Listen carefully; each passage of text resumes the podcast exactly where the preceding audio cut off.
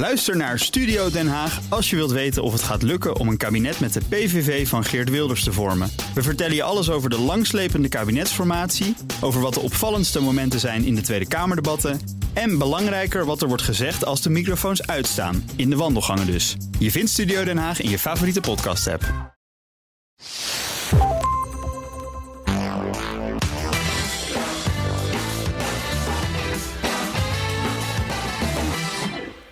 Welkom bij de Ben Tichelaar podcast. De podcast over persoonlijke en professionele ontwikkeling. Doorbuffelen tot in de late uurtjes. Nooit even rust kunnen nemen. Gedachten over werk die steeds maar weer terugkomen. Bijvoorbeeld als je probeert te slapen. Dat klinkt als een werkverslaving. Maar wanneer ben je werkverslaafd en hoe kom je er vanaf? Daarover ga ik het hebben met emeritus hoogleraar arbeids- en organisatiepsychologie Wilmar Schauffele. Wilmar, van harte welkom. Dankjewel.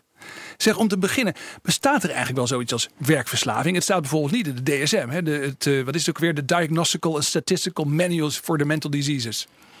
Ja, daar wil iedereen altijd uh, van alles en nog wat inproppen. Ze zijn Ja. ooit in de jaren 50 begonnen en toen waren er geloof ik 150 stoornissen. En inmiddels zijn we bij uh, ruim 400, bijna 500. Wow.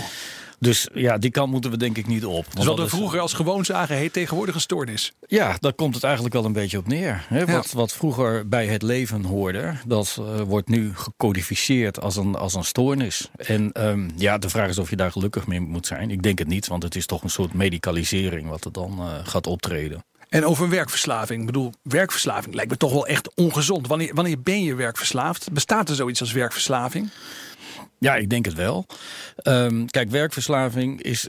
Je kunt het het beste zien als een, als een onbedwingbare neiging of een onbedwingbare drang om, eh, om hard te gaan werken. Dus er zitten twee componenten in: hard werken. En dat is vaak ook wel een beetje een, ja, een, een misverstand. Dat niet iedereen die hard werkt, dat is een werkverslaafde. Kijk, je kunt eh, om een heleboel redenen hard werken. Dat kun je doen omdat je veel geld wil verdienen Ja. omdat je op vakantie wil. eh, misschien ook omdat je een, een probleem met je partner hebt en je liever op kantoor bent dan thuis. Oh, als, als, gewoon als vluchtgedrag, zeg Als maar. vluchtgedrag, Ja, nee, dat, ja. dat is natuurlijk ook zo. Kijk, je kunt, je, er zijn een heleboel redenen en ook valide redenen. Hè? Mensen die bezig zijn om een, eh, om een bedrijf op te bouwen. Precies. Ja, die werken ook eh 70, 80, misschien nog wel meer eh, uren Sterker per week. nog, als je als ondernemer in het begin van Dan gaat het niet lukken. Nee, precies, dan lukt het dus niet. Nee, precies. Dus dat is het niet het, het, het kenmerk. Het kenmerk is vooral dat je, het, dat je niet anders kunt. Het is een, een dwang. Het is dwangmatig, het is dwangmatig gedrag. Het is een obsessie. Dus je moet en hard werken en het moet dwangmatig zijn. Ja, en dat dwangmatig, dat is waar het, waar het verkeerd gaat. Kijk, hard werken,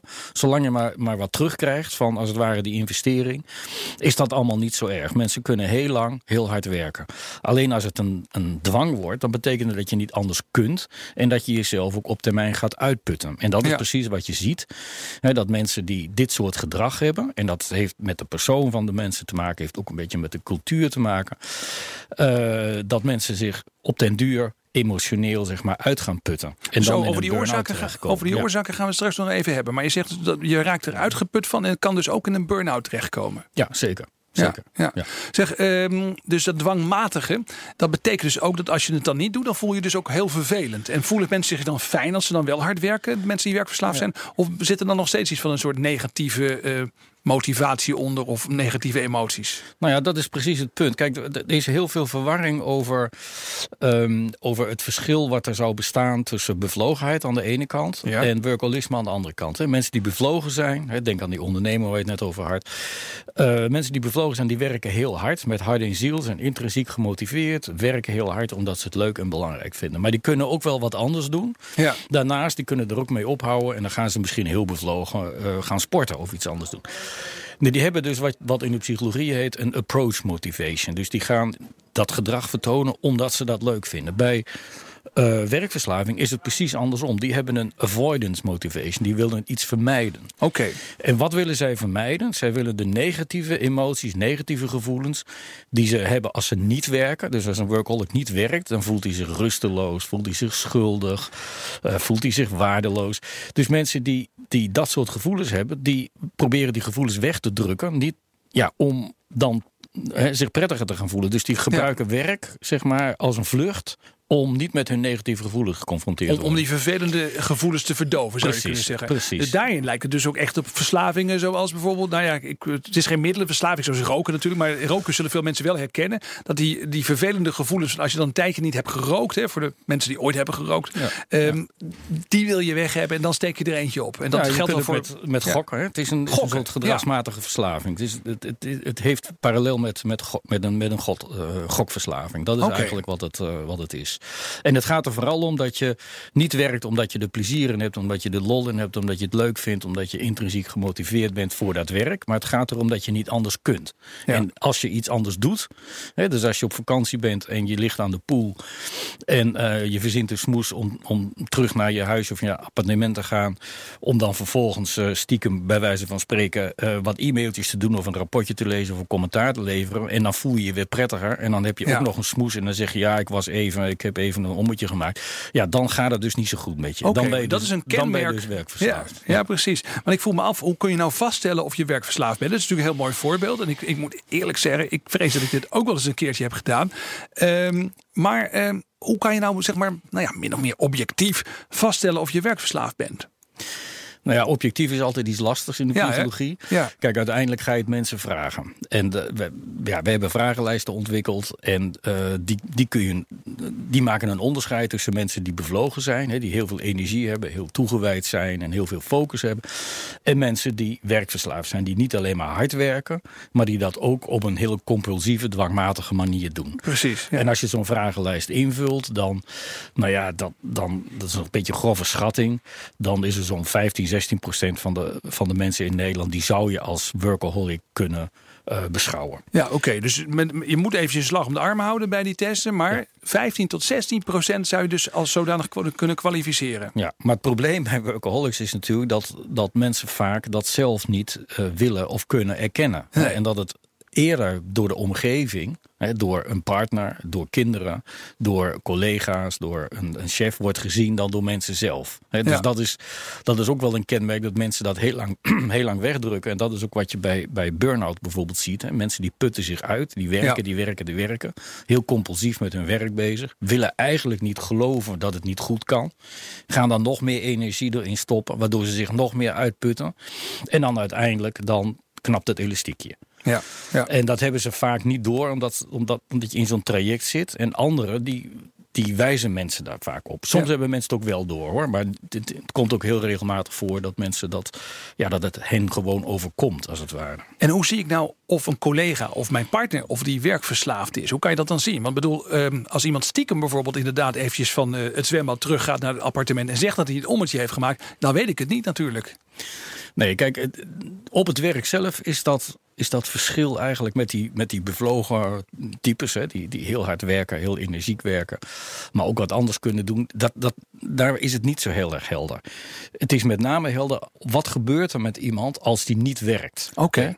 Kan die ook ontspannen thuis? Kan die ook een weekend iets anders gaan doen. En dan niet voortdurend in zijn hoofd bezig zijn met het werk. En zich ook niet schuldig voelen over het feit dat hij nu iets anders gaat doen. Dus het is met name het gedrag buiten het werk wat laat zien of waarin tot uitdrukking komt of iemand een werkverslaving heeft Ja. of niet. Ja, dat is interessant. Ik heb ooit een keer gehoord hoe kan je zien of iemand alcoholverslaafd is. Dat is niet als de glazen worden volgeschonken, maar wanneer de lege glazen worden opgehaald. En als er dan nog ergens een beetje in zit, dan zegt de verslaafde: zegt, oh, oh, wacht even, wacht even, ik zit nog iets in. Inderdaad, je je moet eigenlijk niet zozeer kijken naar gewoon het werkgedrag, maar als iemand dus even in rust is, wordt hij dan rusteloos. Ja. In het weekend, Ja. Op de kan die- vakantie, kan die- s'avonds. Ja, kan die, is die in staat om, eh, om te ontspannen en ook zeg maar, zijn, zijn gedachten te laten gaan. En als het ware niet altijd maar bezig te zijn eh, met dat werk. Wat ligt daar aan ten grondslag? Waar komt dat vandaan? Wat zeggen psychologen hierover? Nou ja, zoals vaak, eh, ik wil niet zeggen dat er evenveel theorieën zijn als psychologen, maar er zijn wel heel veel theorieën over. Ja. En sommige daar, die hebben ook nog wel iets van een, eh, van een, een empirische evidentie, zal ik maar zeggen. Daar Ja. bestaat er wat bewijs voor. Bijvoorbeeld, eh, wat wordt gevonden in, in onderzoek, is dat mensen die een onveilige hechting hebben ervaren in hun vroege jeugd.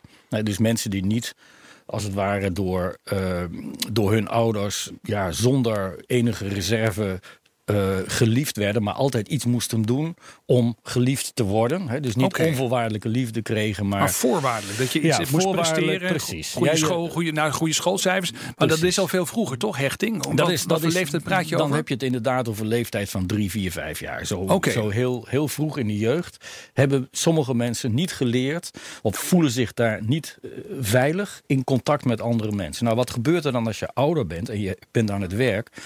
Dan heb je het gevoel dat je steeds maar die, die liefde, die aandacht moet verdienen. Ja, dus ja. jij moet laten zien, als het ware, dat je voortdurend eh, ja, de goede werknemer bent. Aan je chef, aan je collega's, aan je klanten.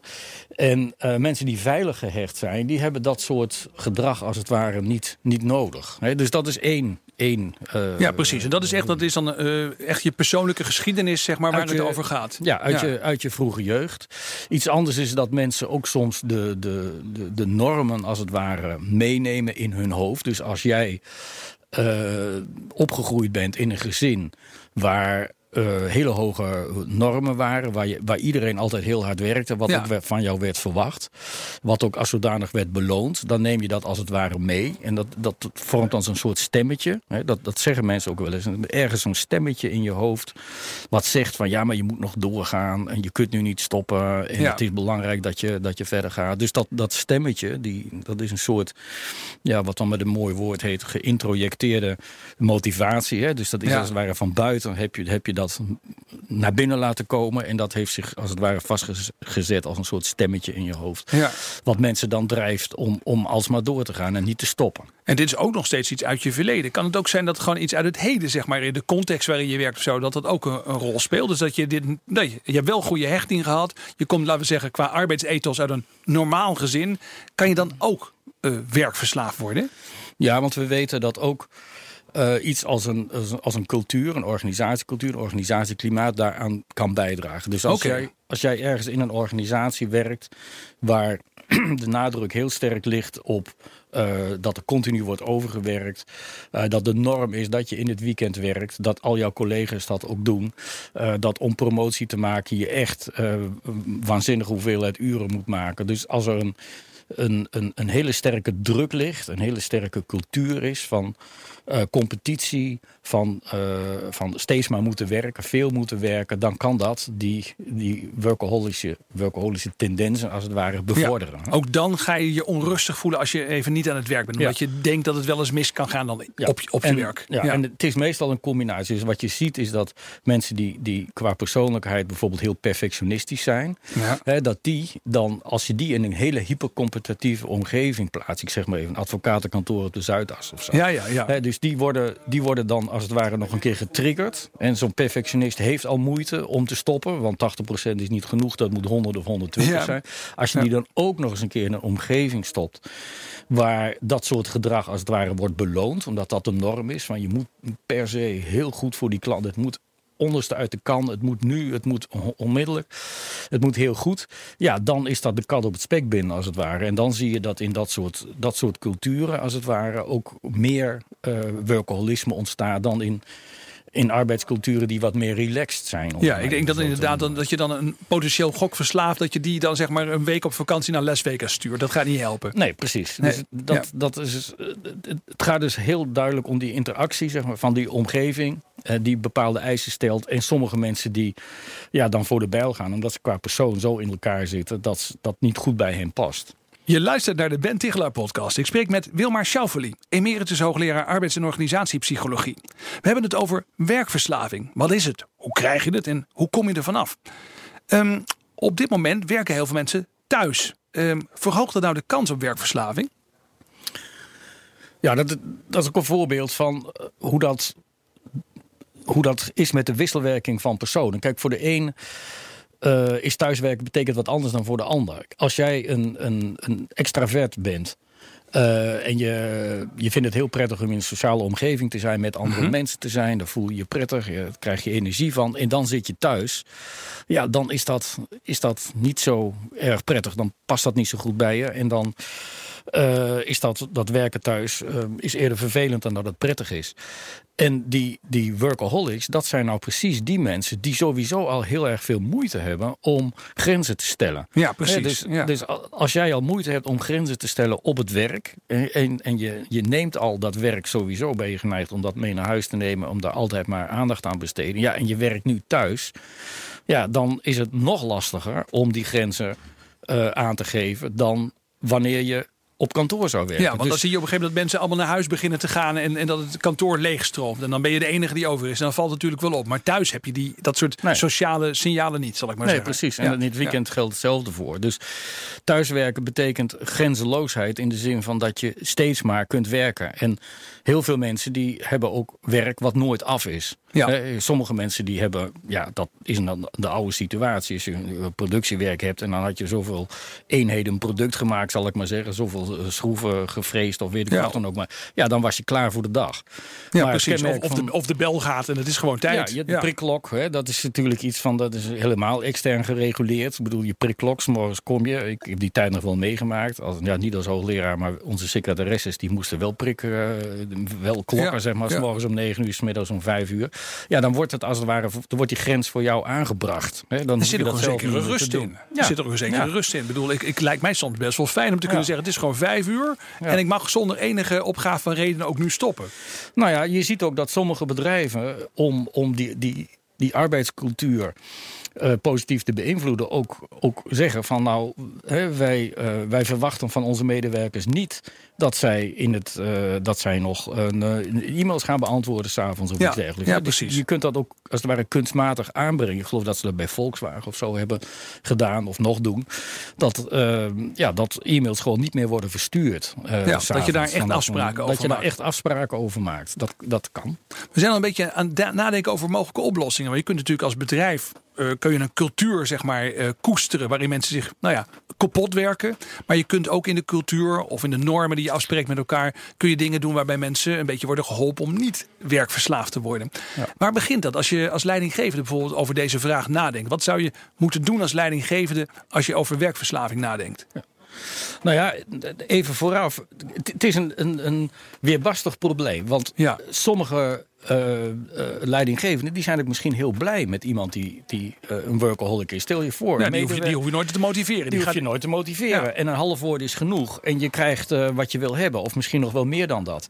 Alleen ja, is dat wel op de korte termijn. En blijkt ook uit onderzoek dat mensen die dit soort gedrag vertonen. een, een reëel risico krijgen om later langduriger uit de running te zijn. Dus Ja. het is eigenlijk een beetje welbegrepen eigenbelang om het vuur bij dit soort mensen wat te temperen. Omdat ze anders misschien eh, opbranden, hè, letterlijk gezien. ja. En hoe, temper je dat vuur? Wat moet je doen als leidinggevende? Nou ja, belangrijk is om het, om het met mensen te bespreken. Omdat, ik, ja, omdat je ziet dat mensen het vaak zelf ook niet zien of niet willen zien. Hè. Ja. Dus het eerste, de eerste stap is het, is het erkennen en het herkennen. Van, ja, hebben mensen dat, zien mensen dat zelf ook zo? Hebben ze problemen om dat te doen? Dan, is, dan zijn er een paar dingen die van belang zijn. In de eerste plaats eh, een rolvoorbeeld. En ja, nu is het, moet je dan ook weer weer zo zeggen, eh, zo dat mensen die werkverslaving hebben vaak juist op dat soort leidinggevende posities terechtkomen. Want dat Ja. zijn de harde werkers, dat zijn de mensen die altijd maar doorgaan. Dus dat het voorbeeld dat de meeste leidinggevenden is ook niet zo positief dan. Precies, Ja. dus daar zit, daar zit ook wel enigszins een probleem. Dus Ja. ja. dan moet je iets oplossen wat eigenlijk ook voor jouzelf van toepassing is. Maar rolgedrag is een belangrijke. Kijk, Wat, wat, hoe, eh, ja, wat zend jij uit? Zend jij uit van ik stuur eh, een e-mail op vrijdagavond en ik verwacht eigenlijk dat je daar eh, zaterdag of zondag een antwoord op, op geeft? Of Ja. ga, doe je dat bewust niet? Precies, en bouw ja. je een filter in en stuur je dat e-mailtje wel, maar dat, dat wordt dan in de server even vastgehouden en dat wordt maandagochtend om 9 uur verstuurd. Maar dan moet je dus over, als leidinggever moet je hierover nadenken. Moet je dus Ja. heel duidelijk aangeven, nou, wat voor voorbeeld laat ik hier nou eigenlijk mee zien? En ben ik daar tevreden mee of zou dat anders moeten? Ja, rol, rolgedrag. En ook, ehm, ook het, het, het, het proberen om toch een wat relaxtere eh, sfeer te creëren. En dat nogmaals, dat is, niet, dat is makkelijker gezegd dan gedaan. Omdat Ja. een, eh, om, op die leidinggevende staat ook druk. Hè, die moeten ook met hun team eh, presteren. Die moeten ook targets halen. Maar het helpt dan wel als je dat wat relaxter doet, wat minder krampachtig doet. En ook wat meer ruimte hebt voor, voor informele contacten. En niet alles zet op, op, uh, op productie en op hard werken. Dus eigenlijk toch een soort cultuur van leren, nieuwsgierigheid. En niet zozeer uh, de focus op steeds maar hard werken en overwerken. Als ik nou uh, dit beluister, ik herken het bij mezelf. Of mijn partner zegt tegen me van nou, je moet die podcast eens luisteren, want dat gaat over jou. Wat kun je zelf hier aan doen? Ja, kijk, interessant is een voorbeeld. We hebben lang geleden, ik had een, een, een promovendus die uh, bezig was, die een proefschrift hierover te, uh, schrijven. En we hadden samen met een, uh, een, een, een, trainingsbureau een module ontwikkeld. dat zag er allemaal heel mooi uit, een e-module voor mensen met, met werkverslavingsproblemen. Ja. Nou, dat bleek ongelooflijk moeilijk te zijn om die die module te slijten. Zelfs toen we hem helemaal gratis maakten. Het was, het was een heel professionele tool uh, die gemaakt was. Je kon, het, je kon met die tool aan de gang op het moment dat je dat zelf wilde. En wij dachten dat is ideaal voor mensen met een werkverslaving. Want die kunnen dat dan, wanneer ze dat ook maar uh, willen, kunnen ze dat doen. Dan hoeven ze niet naar een, naar een coach of uh, ja. een agenda eruit. Nou, dat, dat lukte dus niet. En waarom lukte dat niet? Omdat mensen dat heel erg moeilijk vinden. En eigenlijk gaat het vaak de indirecte weg. Dat wil zeggen dat een partner, uh, heel vaak is het een partner, uh, aangeeft van ja, zo kan dat niet langer. En Ja. dat, dat mensen dan als het ware een soort mes op de keel krijgen en zeggen van ja, maar dit is, uh, nu gaat het echt te ver en nu moet je er iets aan doen. Ja. Uh, en, en dan gaan mensen, stappen mensen naar een huisarts of naar een bedrijfsarts en proberen er samen met zo iemand uit te komen. Dat kan dan in de vorm van een coachingstraject of iets dergelijks. Ja. Of mensen belanden dus, wat je daarvoor hiervoor al zei, eh, in een burn-out. Maar dan wordt er niet gekeken of iemand workaholic eh, was, zal ik maar zeggen. Maar dan is het meer, ja, je hebt een burn-out, dan ga je vanaf daar weer verder kijken misschien. Ja, maar goed, dan, dan, dan komt als, als het een goede diagnostiek is en je gaat kijken van hoe komt dat nu, dan blijkt wel dat iemand of onveilig gehecht is, of omdat hij een heel perfectionistisch karakter heeft en het niet los kan laten. Ja, precies. Ja. Eh, of ja. omdat, het, uh, ja, omdat er andere dingen misschien aan de hand zijn in, in zijn leven die maken dat iemand zo krampachtig met dat werk bezig is. Ja. Dus ja. in die zin komt het dan wel weer bij een goede burn-out behandeling komt dat naar voren. En dan zie je ook heel vaak dat mensen nou juist leren om op een wat, wat relaxtere, ontspannende manier uh, ook hun werk te doen. Ja, nog even een persoonlijke vraag ter afsluiting. Uh, je bent met pensioen, uh, emeritus hoogleraar, maar je bent nog wel heel actief. Hoe zit dit eigenlijk bij jouzelf? Ja, nou ja, ik, ik, ik heb een vragenlijst gemaakt die internationaal ook wordt gebruikt om bevlogenheid te meten. En ik had natuurlijk met mijn vrouw ook wel eens uh, discussies daarover. En dan ja. zei ik altijd, ja, maar ik score op mijn eigen vragenlijst. Scoor ik, uh, scoor ik redelijk laag. En dat, dat, dat was ook wel zo. Maar als ik eerlijk ben... En natuurlijk heb je die vragenlijst zelf gemaakt, dus je weet ook een beetje hoe het moet invullen. Maar dat helpt ook. Uh, ja. Kijk, het, iets dwangmatigs, dat herken ik ook wel. Uh, en dat je op een gegeven moment toch doorgaat en denkt van ja, dit moet toch nog even af. En dat is één ding. Dus dat dwangmatig in die zin herken ik wel. Aan de andere kant heb ik altijd wel ervoor gezorgd om ook op tijd te ontspannen. En om bijvoorbeeld als je naar het buitenland gaat, naar een conferentie, dat je dan niet alleen maar daarheen gaat en dan onmiddellijk weer terug. Dat klinkt wel heel erg stoer. Ja. Maar dan dat je ook een paar dagen uh, wat lummelt en er een korte vakantie aan vastknoopt of wat dan ook. Uh, en dat is ook wel bewust, uh, heb ik dat ook altijd gedaan om toch ervoor te zorgen dat de boog niet altijd gespannen is. Ja. Dus, je moet kan, wel bewust tijd voor lummelen in, in ruimen. Ja. Tijd ja. voor lummelen, dat is een van de geheimen zeg maar, om geen workaholic te worden. Ja, ja, mijn vader die, die, uh, die, uh, die zei ook, ik maakte, hè, mijn vader zalige, ik maakte een kruis in mijn agenda op donderdag of vrijdagmiddag. En dat, dat, dat was ook lummeltijd. Ja, met de benen ja. op tafel en dan nadenken over dingen. En ik denk dat het op zich is, dat, ja, als je diezelfde die leeftijd hebt, dan denk je, je vader zegt allemaal onzin. Maar later denk je van, nou, misschien heeft hij dat was wel een beetje gelijk. Ja, ja, dus, dus een, een soort tijd voor jezelf reserveren om na te denken en om even niet met de waan van de dag mee te gaan. Dat is, uh, dat is wel een goed advies. Dankjewel Wilmar voor je inzichten en voor je adviezen. Ja. Dit was de Ben Tichelaar podcast bij BNR met als gast deze keer Wilmar Schauffeli. Vind je deze podcast interessant en wil je één keer per maand de beste tips uit mijn gesprekken en columns ontvangen? Ga dan naar tichelaar.nl slash bnr en laat je mailadres even achter. Dank voor het luisteren en tot snel.